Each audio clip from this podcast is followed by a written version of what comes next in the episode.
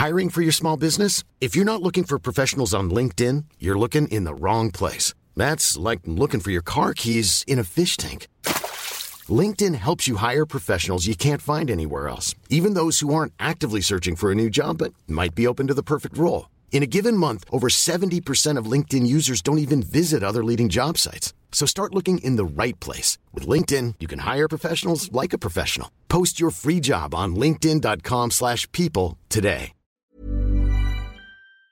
Hey, how you doing? Heel hartelijk welkom bij Julia. Okay, meet me at the bar in 15 minutes and suit up. 이 자리에 오신 여러분을 진심으로 환영합니다. Listen to what Mr. Shelby has to say. We zijn er weer, Content Wars, je favoriete podcast over de wereld achter de content. En ik mag dit nog steeds gelukkig maken met formatontwikkelaar Kirsten van Nieuwenhuizen. Hij die ons eh, elke week weer vertelt eh, over formats en nog veel meer. De man achter programma's als That's the Question, TV-makelaar, Singletown. En hij zat in het team dat Big Brother ontwikkelde. Mijn naam is Jelle Maasbach en deze aflevering hebben we Stefan Tieneman bij ons. Hij is van Villain Studios, een zelfstandig productiehuis uit Amsterdam die producties maken voor grote namen. Ik noem een Videoland, de docu-serie Ik weet je wachtwoord. We hebben Daniel Verlaan toen hier eh, gehad. Hè? En voor Amazon Prime, die net uit is, namelijk de IRT-affaire. Hoe kon het gebeuren dat de staat der Nederlanden de grootste drugsimporteur werd? Waar ging het fout met dat veelbelovende Delta-plan tegen de georganiseerde misdaad? Hoe kon het gebeuren dat het IRT, het meest prestigieuze opsporingsapparaat dat Nederland ooit had, roemloos ten onder ging? Als je kan zeggen, nou, het grootste cocaïnetransport in Nederland is door justitie georganiseerd. En goed dat je er bent, eh, Stefan. Leuk Dat je om hier ons, te eh, zijn. wil zijn. We hebben het zo meteen over die eh, docu, over de IRT-affaire. Ik wil eigenlijk beginnen met je bedrijf. Jullie zijn helemaal nog niet zo lang bezig. En je maakt de ene na de andere hit voor grote streamers. Hoe ben je Ja, hits. begonnen met dit? eh of ben je bescheiden? Ja, nou, hit, ja, weet je, dat is, volgens mij hebben jullie het daar ook wel eens over gehad. Maar bij de streamers krijg je eigenlijk praktisch nul informatie over hoe het iets heeft gedaan. Dus wij horen dan altijd wel, we hebben die fameuze dan top 10. Dat je dan denkt, oké, als het daar lang in staat, dan zal het wel goed lopen. Maar ja, er is natuurlijk altijd de vraag van, oh, is dat representatief? Mhm. Eh, maar ja, weet je, we, we, we doen veel voor streamers, dat wel. En eh, wij komen eigenlijk, om een beetje de origine uit te leggen, wij komen origine, ik heb hiervoor bij Vice gewerkt. Eh, nou, dat bedrijf eh, kennen jullie waarschijnlijk Zeker, wel. ja. Ja.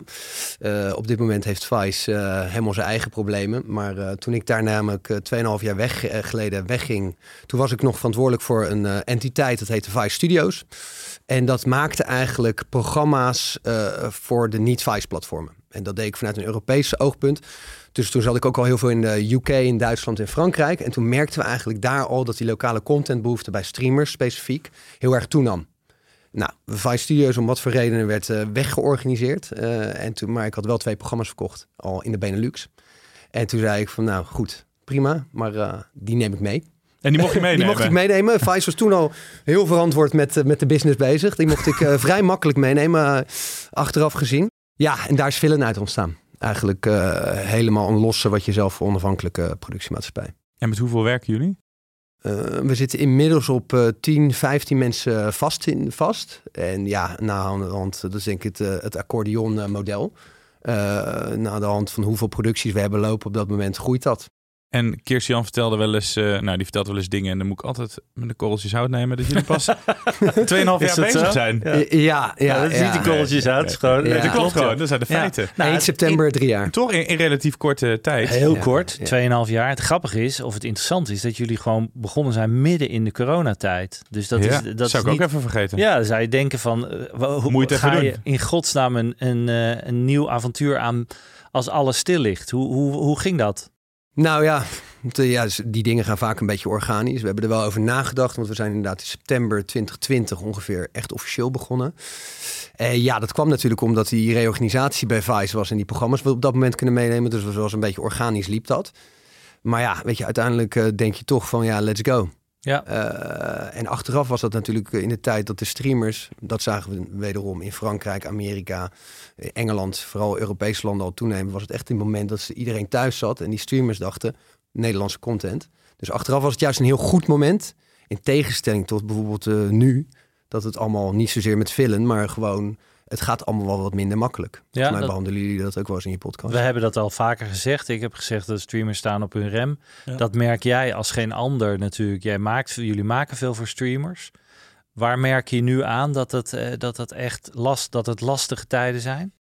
Nou, het, het, het, verkoopt gewoon wat minder makkelijk. Ja. Eh, je had partijen eh, die heel erg eh, agressief de markt opkwamen. Dat waren er meerdere. En die hadden gewoon behoefte aan Nederlandse content. Want dat is natuurlijk altijd bedacht van... oké, zo verover je markt. Ja. Als je goede ideeën hebt, want daar begint het natuurlijk wel mee... dan, dan, dan verkocht je dat makkelijker. En nu verkoop je het nog steeds. Maar dat idee moet wel gewoon echt buitengewoon zijn. De trajecten zijn langer. Er zit veel meer ontwikkeling aan de producentenkant vooraf... voordat je daadwerkelijk ergens een eh, groen licht op krijgt. Ja, want jullie richten je ook echt op lokale verhalen. De IRT-affaire, we komen zo meteen eh, bij een verhaal van, eh, van een ondernemer die Bob heet. En dat zijn wel echt allemaal typisch Nederlandse verhalen. Maakt het het ook dan lastiger om die te verkopen aan ze? Nou, ik denk wat wij wel merken, specifiek met Villen, is dat de lo- lokale commissioners zijn wel echt specifiek op zoek naar eh, Nederlandse verhalen. Dus eh, heeft het geen Nederlands tintje, dan wordt het sowieso lastig. Dan zit je al veel sneller bij de internationale festivaltrajecten en allemaal dat soort dingen. Maar, maar wij doen ook best wel, denk 30% van onze catalogus is Engelstalig. Dus eh, wij doen ook best wel wat internationale Ja. dingen. Dus we zijn niet helemaal afhankelijk van de Nederlandse markt. Alleen het is wel onze kern. En jij had al natuurlijk contact met een Amazon. Maar hoe bereik je normaal gesproken die streamers, vraag ik me gelijk af. Nou, bij ons was het eh, meer zo dat, eh, dat eh, wij hebben, ik en mijn compagnon Jelmer Hagen, met wie ik dat bedrijf samen heb, hebben in het verleden heel veel internationaal gewerkt. Ik heb een verleden bij Talpa, waar wij de, de uitrol van The Voice, met een heel groot team hoor, dat, maar wij waren er onderdeel van, Mhm. deden we de uitrol van The Voice wereldwijd. Ja, en als je dan ehm, jezelf niet echt als een hork opstelt in het buitenland, maar wel dat format een beetje goed bewaart, Ja. dan wil je daar ook nog wel wat goede contacten aan overhouden. En toevallig was het een contact van Jelmer, dat was een Duits iemand, die, ja, die was hier die markt aan het opzetten. Toen was, waren de Nederla- Nederlandse personeel of mensen die daar werken, waren nog helemaal niet aan boord. Mhm. Ja, en die kwam daar gewoon als dus met een budget, kwam die die markt veroveren. Maar wij kenden die man al. Dus dat helpt. Dat helpt zeker. ja, Zo gaan die dingen. zo gaan die dingen. Maar vervolgens moet je het ook bewijzen. En vervolgens moet je dingen neerzetten die Zeker. goed zijn. Nou, dat hebben ze gedaan, want ze, jullie worden opnieuw gevraagd. Jullie worden inmiddels ook gaan. Hè, we moeten niet denken dat het alleen maar streamers is waar ze dingen voor maken. Want ook lineair eh, voor de traditionele zenders zijn jullie druk bezig. Dus het gaat heel hard met, eh met Villen. Daar was een van de redenen waarom we ze hier wilden hebben. Om te kijken van hoe begin je nou met iets in een moeilijke tijd. eh, Ja. En weet je toch snel te groeien. Dit kan nog steeds. Ja, en dan ben je blij dus dat je niet alleen maar op die streamers je richt. Want als je 100% de streamers zou verkopen, dan heb je het nu wat lastiger. Ja, ja, ja, ja. ja dat klopt. Eh, het is heel grappig. eh, jullie eh, vastgeziene gas, eh, Jeroen Koopman, belde mij gisteren nog. Eh, wij bellen ze nu en dan en we gaan wel eens een keer lunchen, omdat we natuurlijk een beetje in hetzelfde speelveld zitten. Bij mij weten is hij ook nog steeds onafhankelijke producent. Zeker. Ehm, dus ja, dus, eh, dus daar hadden we het wel over dat, dat, dat hun USP was natuurlijk, en veel eerder dan wij dat deden, wa- was natuurlijk die streamers. Dus, ehm, daar hadden we het wel over dat dat natuurlijk, eh, je bent de eerste die merkt dat als het goed gaat, maar je bent ook de eerste die merkt dat het slecht gaat. Ja. En ik moet zeggen, wij hebben ons wel wat verbreed richting lineair. Eh, dus dat is nu heel fijn. En we hebben meerdere producties nu weer lopen. Maar je merkt wel dat de enorme speed en kracht is wel anders, ja. Is wel anders. Maak je daar zorgen om of nog geen? Nee. Nee, nee, want ik denk uiteindelijk, als je kijkt naar VOD, is in ieder geval onze overtuiging dat de afgelopen 2,5 jaar met een pandemie niet heel repre waren voor hoe het was. Nee. Eh, tel daarbij op nieuwe streamers die de markt bij komt en dan krijg je de cocktail van heel veel tegelijkertijd. Alleen ik geloof wel, en dat is ook onze overtuiging bij Villen, is dat VOD eh, niet zo hard als dat geloven twee jaar, maar wel iets is wat gewoon aan market, marktaandeel gaat toenemen. Eh, de komende jaren, slash tien jaar, met in onze optiek is het gewoon een marktwerking eh, die gaat doen, waar wij dicht op zitten. Dus, dus ik geloof niet dat dit, het is gewoon een hobbel, Ja, en, economische hobbel. en wat Kirsten Jan ook vaak heeft gezegd, dat er een shake-out komt. Dus dat er een paar spelers overblijven. Verwacht je dat ook? Want eh, de Nederlandse markt, als ik simpelweg even naar Nederland kijk, eh, en onze taalbarrière die we hebben met de Nederlandse taal, is gewoon, denk ik, uiteindelijk niet groot genoeg eh, daarvoor. Maar ik geloof niet dat het er maar twee zijn. Ik geloof wel dat er bij het gemiddelde huishouden, je ziet in Amerika, nou daar kijkt natuurlijk iedereen constant televisie of weet ik veel wat, maar Ja. daar is het gemiddelde volgens mij vijf of zes abonnementen. Dus ik geloof in Nederland, geloof in Nederland wel in drie of vier abonnementen per huishouden. Dus alsnog wel veel, toch? Ja, denk het wel. Ja, dat, dat verwacht ik ook. Ik denk dat er drie of vier zoiets zullen overblijven. Dus dat zijn waarschijnlijk de partijen met de diepste zakken. En de partij met de bijzonderste content. Kijk, eh, een van de redenen waarom eh, eh, streamers slecht bekeken worden... is gewoon als je te weinig bijzondere content hebt. Zo simpel is het. Ja. Hey, dan in die IRT-affaire, daar heb ik heel veel zin in. Voor de jonge luisteraars, dat is toch wel de grootste veel in... op het gebied van Ja, justitiële dwalingen, hè, Nederlandse geschiedenis. De overheid die drugscriminelen wil aanpakken. En dat doet door zelf drugsdealer te spelen. Ik heb daar heel veel boeken over gelezen, over Klaas Bruinsma. Jij vast ook eh, Ja. veel over gezien. Ja. Ehm, maar Stefan, wat gaan we zien in de documentaire bij jullie? Die net draait dus op, eh, op Prime. Ja, nou, het- gaat inderdaad, je, je vat het mooi samen. Het is, het is natuurlijk eigenlijk hoe de Nederlandse overheid de grootste drugsimporteur van, van, van Europa werd. Ja, bizar. Ja, en dat is eigenlijk het is een bizarre verhaal van eh, de jaren 90. eh, nou, eigenlijk nog de jaren 80 en 90. Waarin natuurlijk de onderwereld, de georganiseerde eh, misdaad, zoals we hem eigenlijk nu ook nog kennen, daar had het zijn kiem. Dus dat begint natuurlijk met Bruinsma. eh, dat komen de, vak- eh, ze zien dus dat liquidaties eigenlijk verband houden. Niet meer random zijn, maar gewoon verband houden. Mhm. En vervolgens bedenkt de politie dan, ook in een soort van nou, onwetendheid. Wanhoop, eigenlijk wanhoop. wanhoop. Hè? Ze konden Ja, niks. nee. Dat is het probleem. Ze konden niet. Ze kwamen erachter dat, dat Bruinsma meer wist over de politie dan de politie over Bruinsma. Want Bruinsma had zijn eigen intelligence agency Ja, die gewoon petten gekocht, hè? die gewoon die mensen volgde. Dus het was een drama. Ze Ja. konden eigenlijk helemaal niks. Ja. En dan dachten ze van, nou, dan gaan wij ook georganiseerd werken. Namelijk een interregionaal recherche team, team IRT. En dan gaan we zo georganiseerde misdaad bestrijden. Alleen, ja, ook de politie toen de tijd natuurlijk de Warmoestraat. Het is, het werkte niet. Er was veel animositeit tussen de korpsen. En uiteindelijk zijn er een paar mensen, het verhaal is uiteindelijk nooit helemaal duidelijk geworden. eh, hebben zo'n vrijbrief gekregen dat Ja. ze een eigen drugslijn opzetten om uiteindelijk maar hogere criminelen te pakken. Ja, met alle gevolgen van dien. Met alle gevolgen van dien, want de criminelen die ze wilden pakken, waren, bestonden helemaal niet. Ja.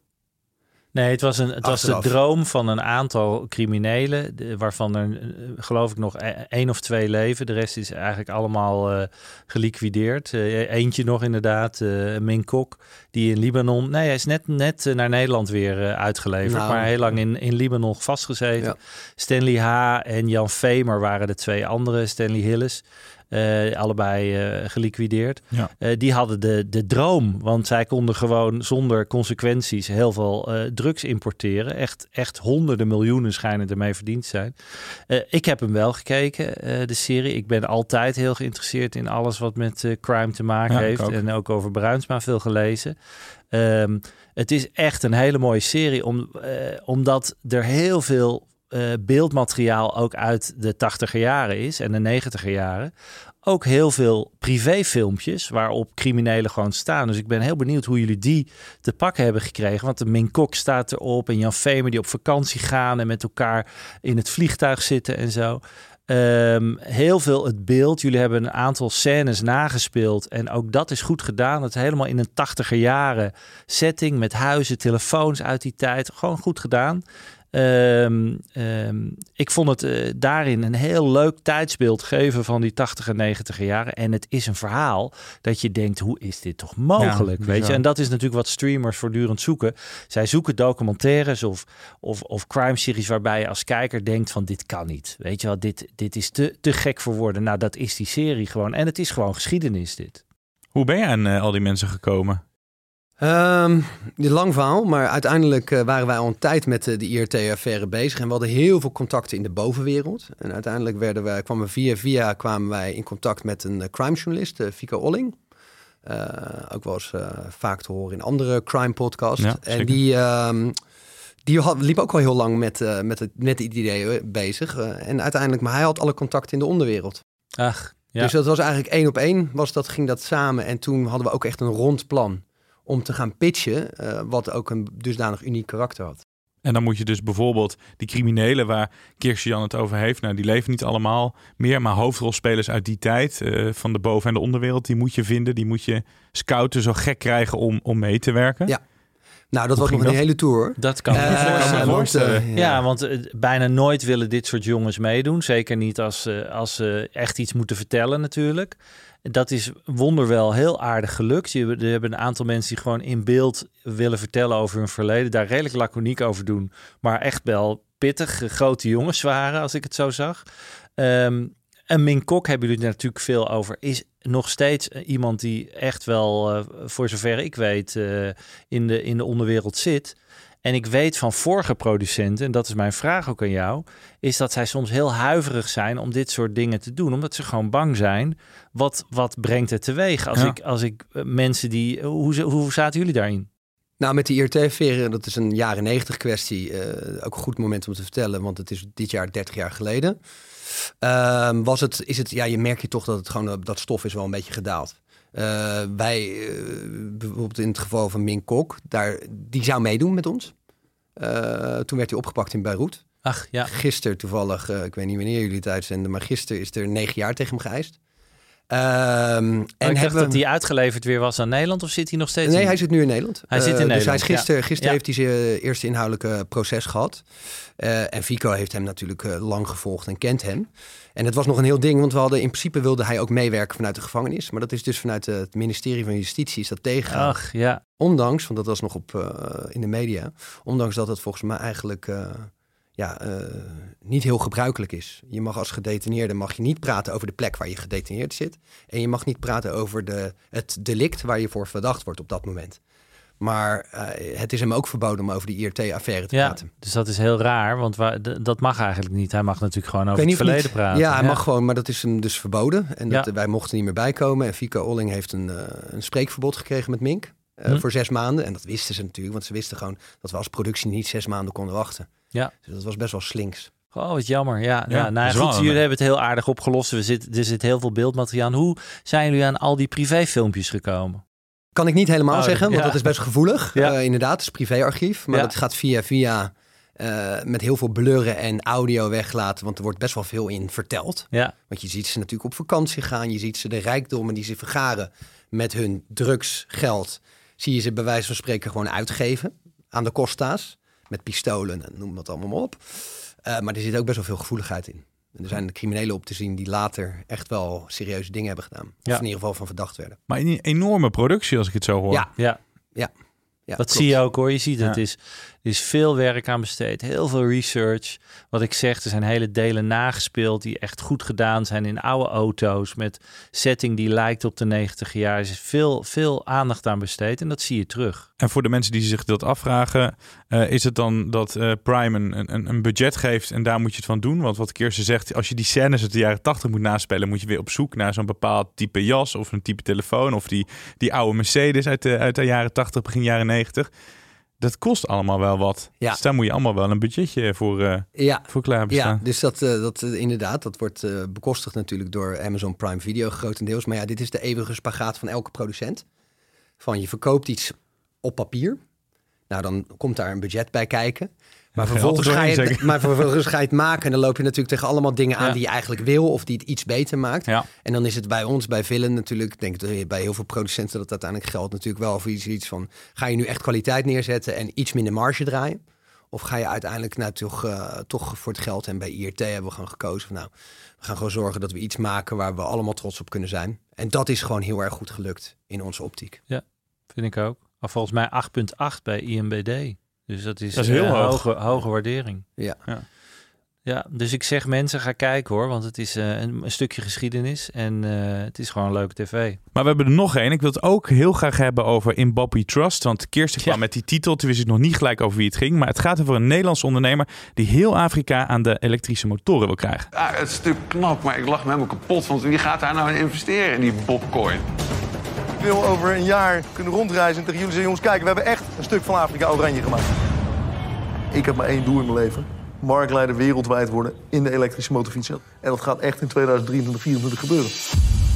En die maken jullie dus ook voor Amazon Prime. En ik ken die ondernemer, want ik heb jarenlang bij Quote heb ik zijn verhalen gelezen. Eh, zijn bedrijf ging jaren geleden failliet. Hij ging persoonlijk failliet. Markante man, die altijd wilde reageren. Belde de journalist van Quote en ging die helemaal leeg. Eh, nu met een docu. Maar het is leuk als jij vertelt hoe je bij deze man bent uitgekomen en, en wat wij gaan zien dan. Ja, nou het verhaal is, wij hebben een, een serie gemaakt over crypto uh, en over blockchain technologie. Het klinkt wat saai, maar dat, hebben, dat was een internationale serie. Ja. Uh, die werd aangekocht door Amazon uh, ook. En die zeiden van, hebben jullie niet een heel mooi, goed crypto verhaal van, lokale, van, van Nederlandse bodem?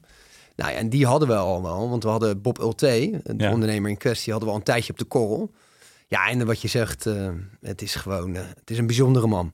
Ja, want hij had Sabon, uh, voor de mensen die dat misschien nog weten, zeepjes uh, bedrijf, dat ging failliet. Toen ging hij inderdaad in de crypto's. Nu zit hij dus in de, uh, in de Bobcoin. Ja. Elektrische motoren wil hij daar aan de man gaan brengen. Een miljoen, hij wil de, de marktleider ja, ja. worden van elektrische motors. man. Hij wilde Elon Musk van de, de van de tweewielers ja, worden. ja. Dat, is zijn, dat is zijn credo. En ja, het is, hij heeft natuurlijk, maar hij financiert dat met zijn Bobcoin. Ja, je kan er wat van vinden. Ja. Uh, dus, uh, en dat is denk ik wat de docu ook uitwijst. Uh, ja. hij heeft een verleden, eh, Bob, met Sabon, wat je al zei. Dat hij natuurlijk, waar hij ook door de AFM door op de vingers is getikt, mm -hmm. getikt de Autoriteit Financiële Markten. en is vervolgens door schade en schande met deze Bobcoin begonnen. Waar onder andere Quote nog steeds een klein dingetje met hem heeft ja. qua rechtszaken. Ja. Uh, want, wat, is, wat speelt er? Nou, ik ken de, ken de zaak niet geheel, maar het gaat in ieder geval over dat er een stuk is geweest over Bob Eco, zo heet zijn bedrijf met de tweewielers. En dat is helemaal gefund door de Bobcoin, ja. een, een cryptomunt. Ja, uh, waar bepaalde beloftes werden gedaan of zijn gedaan. Vanuit zowel uit Bob als, de, de, als, uh, als, als mensen die voor hem werken.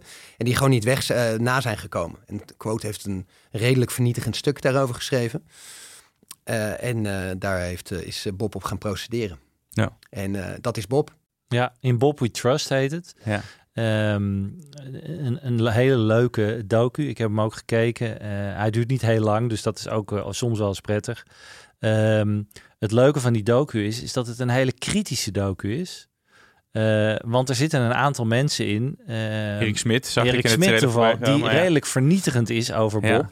Uh, hoe, hoe is dat? Uh, Ja, hoe laat zo iemand dat toe dan? hoe laat zo iemand dat Ja. toe, inderdaad? Want ik neem aan dat jullie gewoon gezegd hebben... we gaan maken, jij, jij hebt geen final veto. Precies. Dat speelt Ja, nu hetzelfde overigens ook met Frank Masmeijer... Hè, die natuurlijk met uh, een docu is... waar hij helemaal niet tevreden over is... die volgens hem veel te kritisch is. Ik kan me voorstellen, als Bob Ulte deze docu zag... die heeft hij vast gezien, dat hij denkt van... Hmm, ik ben Hij was een- heel blij ermee. Oh. Uh, ja, dat, Ja, dat was voor ons ook even spannend. Ja. Maar uh, dat was, hij was uiteindelijk heel blij ermee. Kijk, wij, wij zeggen natuurlijk nooit als het om dit soort journalistieke onderwerpen gaat... dan moet je een bepaalde ethiek bewaren. Ik denk dat, dat, het, uh, dat het duidelijk is. Dus uh, het gaat uiteindelijk bij iemand natuurlijk niet over dat hij een final say heeft. Dat kunnen we nooit toestaan. Maar we kunnen ook niet toestaan dat uiteindelijk Bob helemaal een platform krijgt... om allemaal beweringen te doen die vaak, bij, vooral bij Bob, toch heel lastig te checken zijn. Ja. Ja. En dat gaat over het, hoeveel motoren rijden nou rond in Afrika. Hij zegt dat er wel 300.000 rondrijden. Maar de gemiddelde schatting is dat, het, dat, dat er niet meer dan uh, 3000 zijn. Ja. Waarvan zes, uh, de helft al kapot is. Ja. Dus Ook wel als maker dat je in de spagaat zit. Want je wil natuurlijk ook spraak maken in de televisie. Maar het moet niet helemaal doorslaan. eh. Nou, spraakmakend is het wel, omdat dit ook een verhaal is dat je denkt van, uh, ja, Ja, weet wat, je, ik, wat ik zei, ik kende hem. totaal Het- Jij kwam met die verhaal. titel van tevoren. Ja. eh, en ik zat te toen dacht ik, oh, die ken ik. Daar heb ik echt jarenlang verhalen over gelezen. Ja. Dus dat vond ik heel, Ja. eh, vond ik heel leuk. Nou, jij gaat hem leuk vinden als je hem kijkt. ja, dat blijft nu, nu al zien. eh, het is een uniek verhaal van een, van een soort van, ja, toch iemand waar je twijfels bij kan hebben. Kijk, de grap is, er wordt bij hem thuis gedraaid. Hij heeft een waanzinnige villa met alleen maar hele grote auto's. Hij rijdt in een Bentley en dan is hij dus bezig met een elektrische motorfiets, omdat hij zogenaamd eh, eh, iets, wil doen, iets wil wel. doen aan milieuproblematiek. Terwijl Oh, hij- zo, ja. weet je, hij heeft er drie Testarossas, ook nog twee voor zijn zoons. Dat je denkt ook van wat fijn om te hebben, toch? Ja, wat hij uitstoot, weet je wel. Maar goed, maakt niet uit. Het, ook dit is een docu dat je denkt, ja, het is wel heel grappig. Even dan- tussendoor. Zou jij een Kirsten, Kirsten Jan coin willen hebben? Eh, nou ja, ja lucratief. waarom niet? Ja, Ja, waarom als je er niet? zoveel leuke Toch? dingen mee... ik eh, zou een Content Wars coin. Oh, oh, dat lijkt me leuk. lekker. Dat lijkt me leuk. Dat Ja. lijkt me leuk. Ja, CWC, Content Wars. Code. eh, dit is natuurlijk een, een perfect eh, figuur om te volgen in een docu. Ja. Zijn er andere Nederlandse ondernemers die dit in zich hebben? Of moet je dan al gelijk internationaal eh, gaan? Nou ja, het mooie is aan Bob is dat hij natuurlijk wel heel erg uh, on-Nederlands is. Dat, uh, dat, uh, dat hij is natuurlijk grootser dan grootste en hij heeft de wildste plannen waar, waar het vaak misgaat. Maar zo lopen er natuurlijk nog tientallen, misschien wel honderden Nederlandse ondernemers. Ja, nog wel? Ja, joh. Het is alleen natuurlijk wel een, een ondernemingsverhaal, een verhaal over ondernemen. Ja, dan kan je een paar kanten aan- uitgaan. Eh, Een, start-up die heel groot internationaal dat doet. Dit soort kleinere, bijzondere verhalen. Maar het blijft toch ook wel vaak heel moeilijk om een... eh, Het wordt al heel snel zo'n soort corporate brand movie. En dat wil je natuurlijk dan Ja, weer en dit is zo megalomaan dat het heel... Daardoor wil je kijken. Ja. En de vraag is of we hier in Nederland dat nog verder hebben rondlopen. Ja, ik- kijk, als kijker wil je voortdurend eh, je mening kunnen eh, Ja. eh, ma opmaken. Dat, je, dat is de reden waarom ik vertrek altijd succes is. Omdat je als kijker direct roept van... oh mijn god, die gaan het nooit redden. En dat is bij deze docu ook. Dat je zit te kijken en denkt... waar begin je aan in godsnaam in Afrika? Daar loopt hij ook steeds tegen Ja. allerlei dingen op. Dus dat is, is het leuk. Ik denk dat dat ook de kracht is van dit soort docu's. Ook een beetje met de IRT. Dat je je afvraagt van hoe, hoe in godsnaam is dit mogelijk? Ja. Maar dat is hetzelfde. Ik heb altijd eh, een fascinatie met Elon Musk. Ik denk dat er niet meer zo, niemand zo knettergek is als die man. Maar ook toch wel succesvol. Dat, dat zijn wel de toppers waar je natuurlijk... docu Ja, hij heeft zijn eigen serie maken. volgens mij op Netflix al, hè? Ja. Eh, rond SpaceX. Ja. En, maar ja, dat, ja, weet je, ook in Nederland heb je dat soort figuren. En ik denk dat Bob is daar een van de voorbeelden van. Hoe is het nu? Wat is nu du- Is er wat meer duidelijkheid over? Ja, er is zijn- een conflict weer. Oh, er is een conflict. Ja, Ja, de- dat, kijk, dat is eh, denk dat- ik wel een, een terugkerend iets bij Bob. Of dat nou met de media is of... Maar dus niet met ons. Dat hadden wij eerlijk Weet gezegd jij wel ook altijd hebt, Kirsten? Ik heb heel weinig conflict. nee, dat is een grapje. Ja, nee, maar ik, weet, ik heb af en toe. Hè? Ja, Maar dat is een beetje een terugkerend iets. Dat, er, dat het altijd eindigt in een conflict. ja. Welke grote namen staan er nog op je, op je verlanglijstje? We hebben een, eh, een Prime hier. Eh, eh, dingen voor Netflix die je nog zou willen doen. Of eh, Ja. en HBO. eh, Max moet ik tegenwoordig zeggen. HBO Max. Max, hè? Ja, Max. Bij Max. mij heet het nog steeds HBO Max. Maar gaan we het dan Max noemen? Omdat we hebben Nee, natuurlijk HBO Max van. Jan Slachter. Ja, ik vind dat zo knullig. Ik blijf het gewoon HBO noemen. Maar sorry, terug naar jou. Ja. Nee, eh, ja, ik denk dat eh, dat is hier ook volgens mij wel vaker genoemd. Eh, ook denk voor producenten blijft ook toch wel een beetje de, de ongrijpbare blijft een beetje Netflix lokaal. Eh, scripted doen ze best wel wat eh, hier lokaal. Alleen unscripted is gewoon echt wel heel lastig. Mhm. Ehm, dus dat blijft toch een beetje zo'n ongrijpbare waar we graag iets voor zouden maken. Maar ik denk wat, wat Kirsten Jan al zegt, wij, wij maken inmiddels ook voor de NPO en voor RTL eh, maken we ook dingen. Ehm, ja, en dus, eh, dus, dus, dus in dat opzicht eh, breed scala. Maar goed, als je zou zeggen welke, welke is de the one that got away, is het toch wel elke keer Netflix. Dat is ook heel lastig, horen we ook van allemaal collega's om daar iets te krijgen wat, Ja. wat grijpt. is ook wel mooi om daar dan nog naartoe te werken. In plek van dat je alles gelijk hebt. En je bent pas 2,5 jaar bezig met je Ja, bedrijf. maar goed, 2,5 jaar, het klinkt allemaal super. En dat is het ook wel, want we zijn heel blij van waar we staan. Maar het is ook wel, het, is, het brengt ook weer zijn eigen moeilijkheden met, met de mensen mee in dat opzicht. Als een jong productiehuis dat zo snel expo- exponentieel is gegroeid. Ja. Eh, nou, ik ga er geen corporate ding van maken, maar dingen zoals overhead en eh, Ja. dat meegroeit op een nou, vrij dunne, solide basis. Mhm. is ook altijd weer eh, ieder jaar spannend. Ja. Dus daar kijken wij nu gewoon heel erg naar, hoe we dat kunnen, kunnen doen. Denk jij dat de nieuwe regelgeving 5% van het budget, streamers moeten nu 5% van het budget aan Nederlandse content gaan uitgeven? Eigenlijk veel te weinig. Maar goed, denk je dat het nog verschil gaat maken? Eh, nou, ik denk dat het een goed begin is. Dus ik heb de hoofdpunten van het eh, wetsvoorstel. eh, het ligt nu bij de Eerste Kamer uit mijn hoofd. Ja. Ehm, heb ik even doorgelezen. Als je kijkt naar de landen om ons heen, is het nog bitter weinig, die 5%. Ja, 5, 20% in Frankrijk. 20 of 25 procent zelfs Ja. hoorde ik. Ja, eh, 20 begreep uit 20, ik. Maar ja. dat is vier keer zoveel, hè? Ja. Ja. En dan nog, en dan zijn er ook weer wat mazen dat je denkt van, volgens mij kunnen ze ook best wel wegkomen met een, een library content, zoals Ja. de Jeske Vet aankopen. Dan ben je Ja. er ook. Ja, Wat dat natuurlijk kan. fantastische content is. Alleen het is Maar natuurlijk- heel makkelijk dan, ja. En Ja. help je de makers van nu helemaal niet mee. Pre- Precies, dus ik, ik, ik ben heel benieuwd hoe uiteindelijk die 5% gaat, eh, gaat, eh, gaat, eh, gaat uitpakken. Uiteindelijk. Of dat nou echt de, de incentive gaat zijn. maar dat het er nu komt en dat het er is en dat er moeite voor wordt gedaan vanuit Den Haag is wel gewoon een goed ding. Want dat Het was is voor de- absoluut, en vind ik, en het is, het is een Dus een, beetje... maar het is een begin. Het is een begin, echt een begin, want het is ook een licht wassen neus. Er wordt eigenlijk al, men zegt al veel meer dan 5% besteed aan Nederlandse content. Het is nu alleen dan in de wet vastgelegd. Ja, dan maar is het eigenlijk- verankerd en dan kan je het misschien gaan uitbouwen. Dat, Dat, nee, dat zou, moet eh, ook gewoon gebeuren, want eh, we hebben gewoon meer geld nodig. Ik, ik heb eh, vaak geroepen, er moet meer naar Nederlandse creativiteit en meer naar Nederlands. Wij moeten echt meer, eh, gewoon meer investeringen krijgen. En in dit soort bedrijven als van Stefan en andere kleinere producenten, want de grote producenten zijn bijna allemaal in handen van buitenlandse partijen. Dus geef gewoon dit soort producenten en ook inderdaad Jeroen en kleinere partijen die gewoon nog echt Nederlands zijn. Geef ze gewoon uh, opdrachten en, en, en koop Nederlandse content in plaats van de hele tijd die buitenlandse formats. Wat, ja. ja, dan ga je het misschien verklappen. Maar wat zijn dan mooie verhalen die je nog voor Netflix zou kunnen maken? Poh.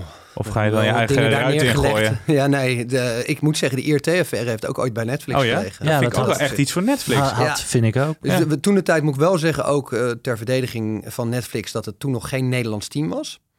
Uh, dus dat hebben wij toen, was het nog heel erg centraal vanuit Londen geregeld. Mhm. Mm -hmm. Ja, en dan is het toch wat lastiger voor mensen om de waarde van zo'n verhaal in te schatten. Hoe goed je dat ook probeert te pitchen. Ja. En daar zijn we toen ook nog best wel ver mee gekomen bij Netflix. In de zin van een budget maken en dat soort dingen. Dus het werd niet gelijk van, oh, het past niet. Mm -hmm. Maar toch, uh, ja, dus wij hebben ook wel het gevoel dat we natuurlijk elke pitch die we doen, proberen we zo kwalitatief mogelijk te laten zijn. En elke pitch is natuurlijk wel weer anders dan de andere. Uh, dus dat is best wel een lastige, ja. Maar het is ook een beetje waar ligt de focus bijvoorbeeld van een Netflix? Is dat meer scripted hier lokaal? Wat heel goed kan zijn natuurlijk. Ja, dan, dan, dan, dan blijft het sowieso lastig voor non-fictie partijen, zoals wij. Maar wel makkelijker dus om het te pitchen bij een Nederlands uh, team.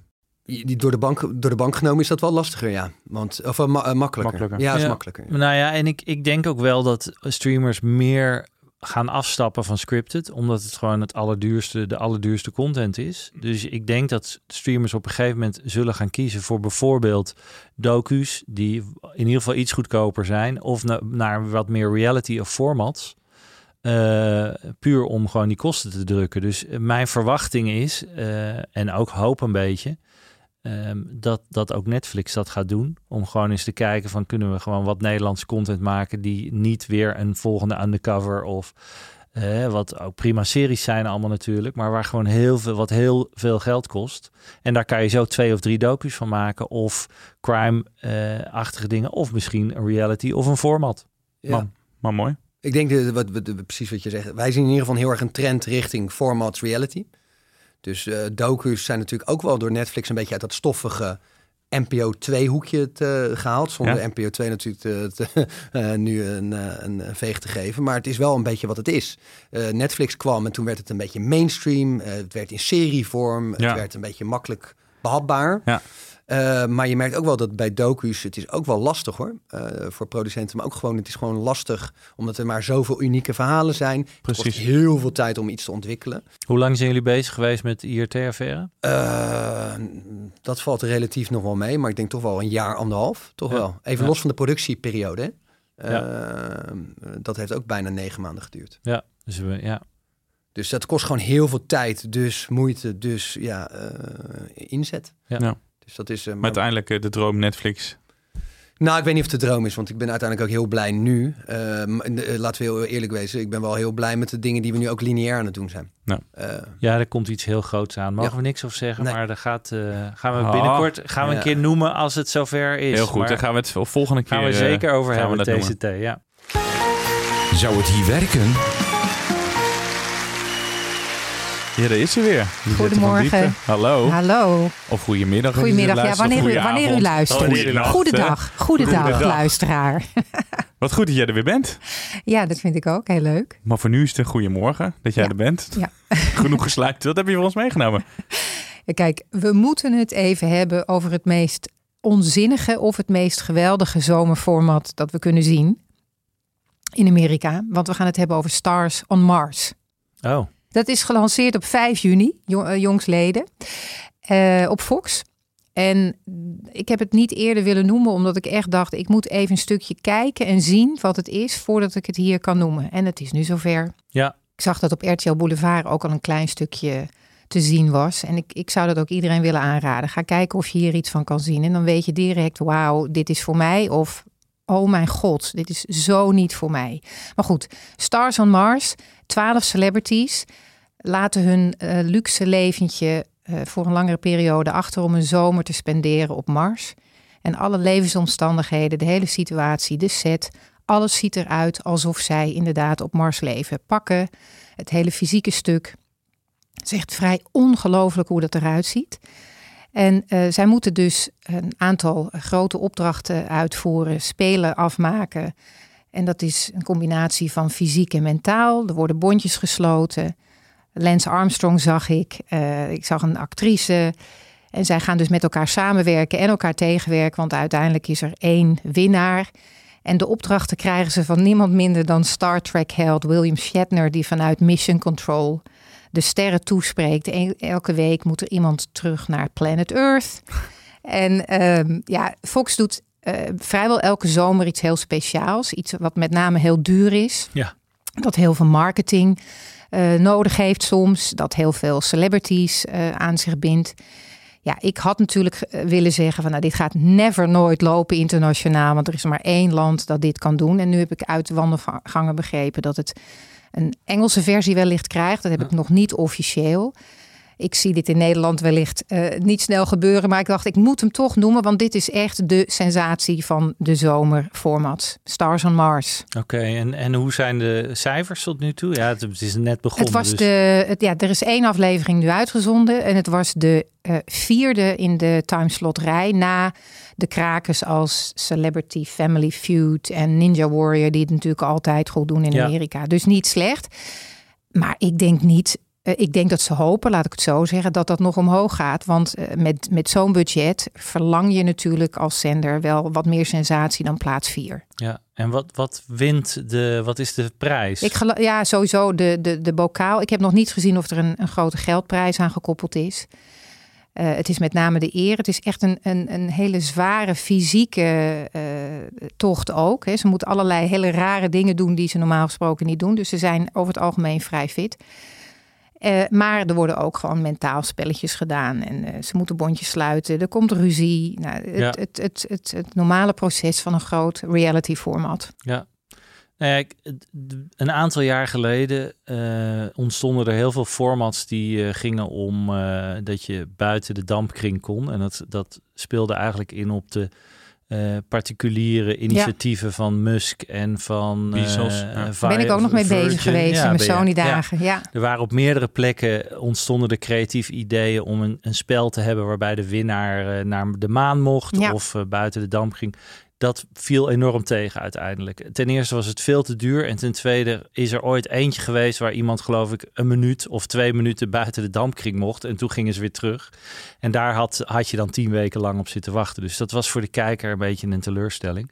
Het lastige bij een format als dit is dat het eigenlijk natuurlijk gewoon een toneelstukje is. Dus iedereen zit gewoon net te doen. En de Ja. kijker heeft dat ook door. Die, die, dus Ja. we zitten allemaal toneelstukjes te doen dat we zogenaamd op Mars zijn. Het is leuk voor de complotdenkers. Want die heel veel complotdenkers denken natuurlijk dat er geen landing op de maan is. Nee. Dus die zullen zeggen, zie je wel, ze kunnen het gewoon nadoen.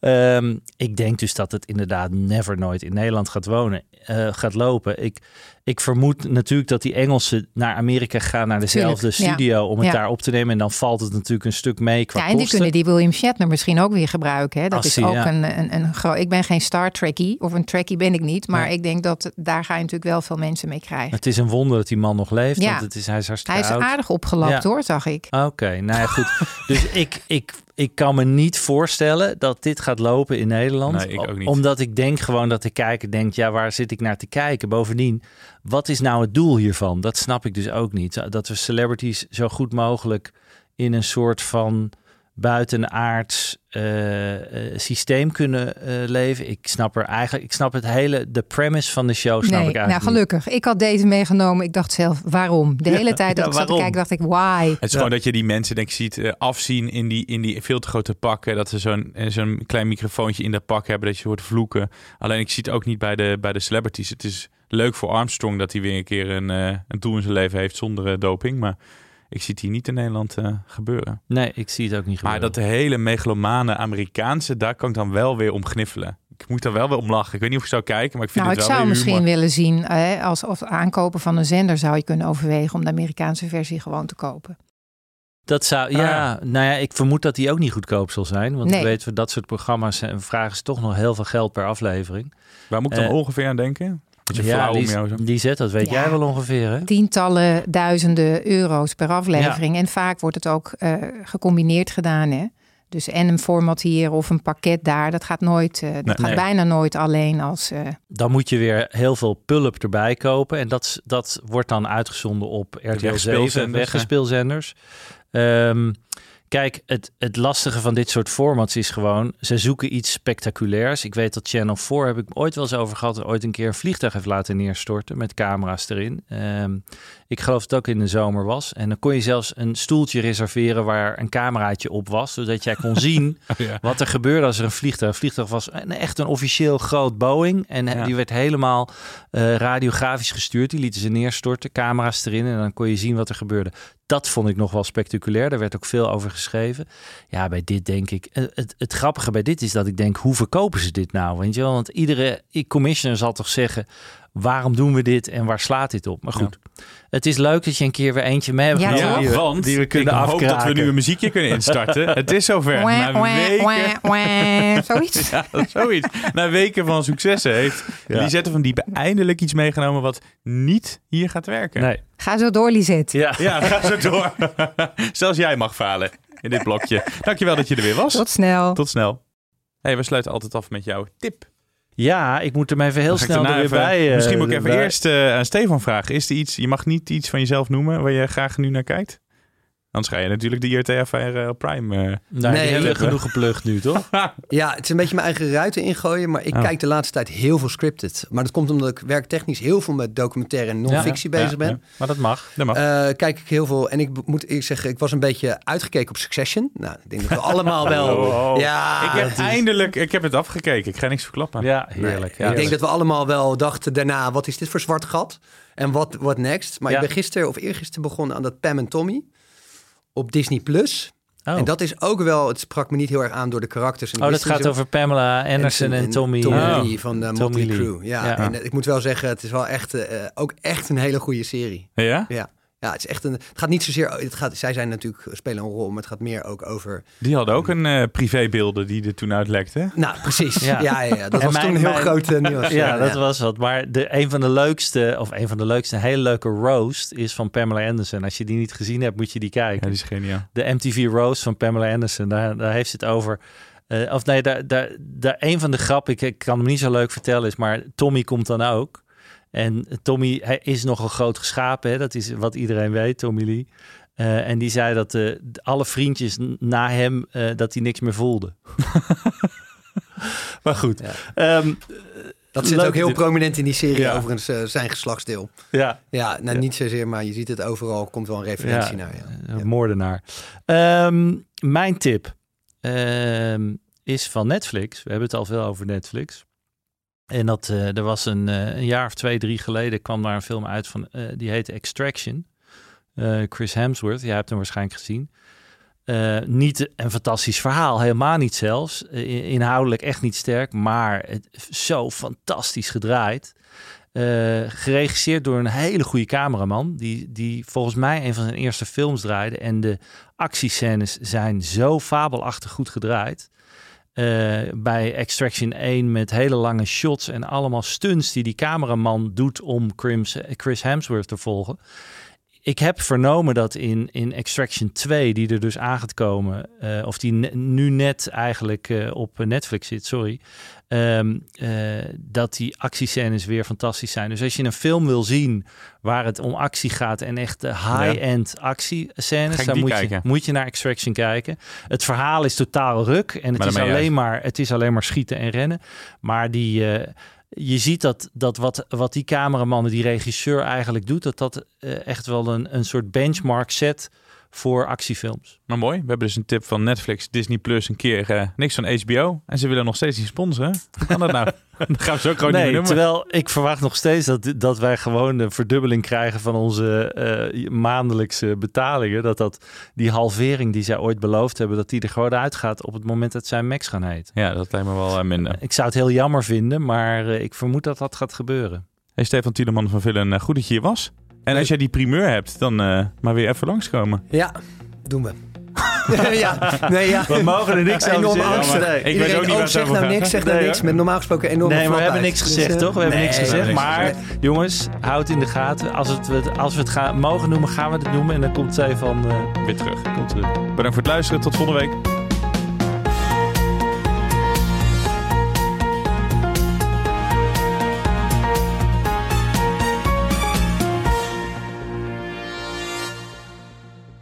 Ben jij content met deze content? Vergeet je dan niet te abonneren op Content Wars. Even when we're on a budget, we still deserve nice things. Quince is a place to scoop up stunning high-end goods for 50 to 80% less than similar brands. They have buttery soft cashmere sweaters starting at $50, luxurious Italian leather bags, and so much more. Plus, Quince only works with factories that use safe, ethical, and responsible manufacturing. Get the high-end goods you'll love without the high price tag with Quince. Go to quince.com/style for free shipping and 365-day returns.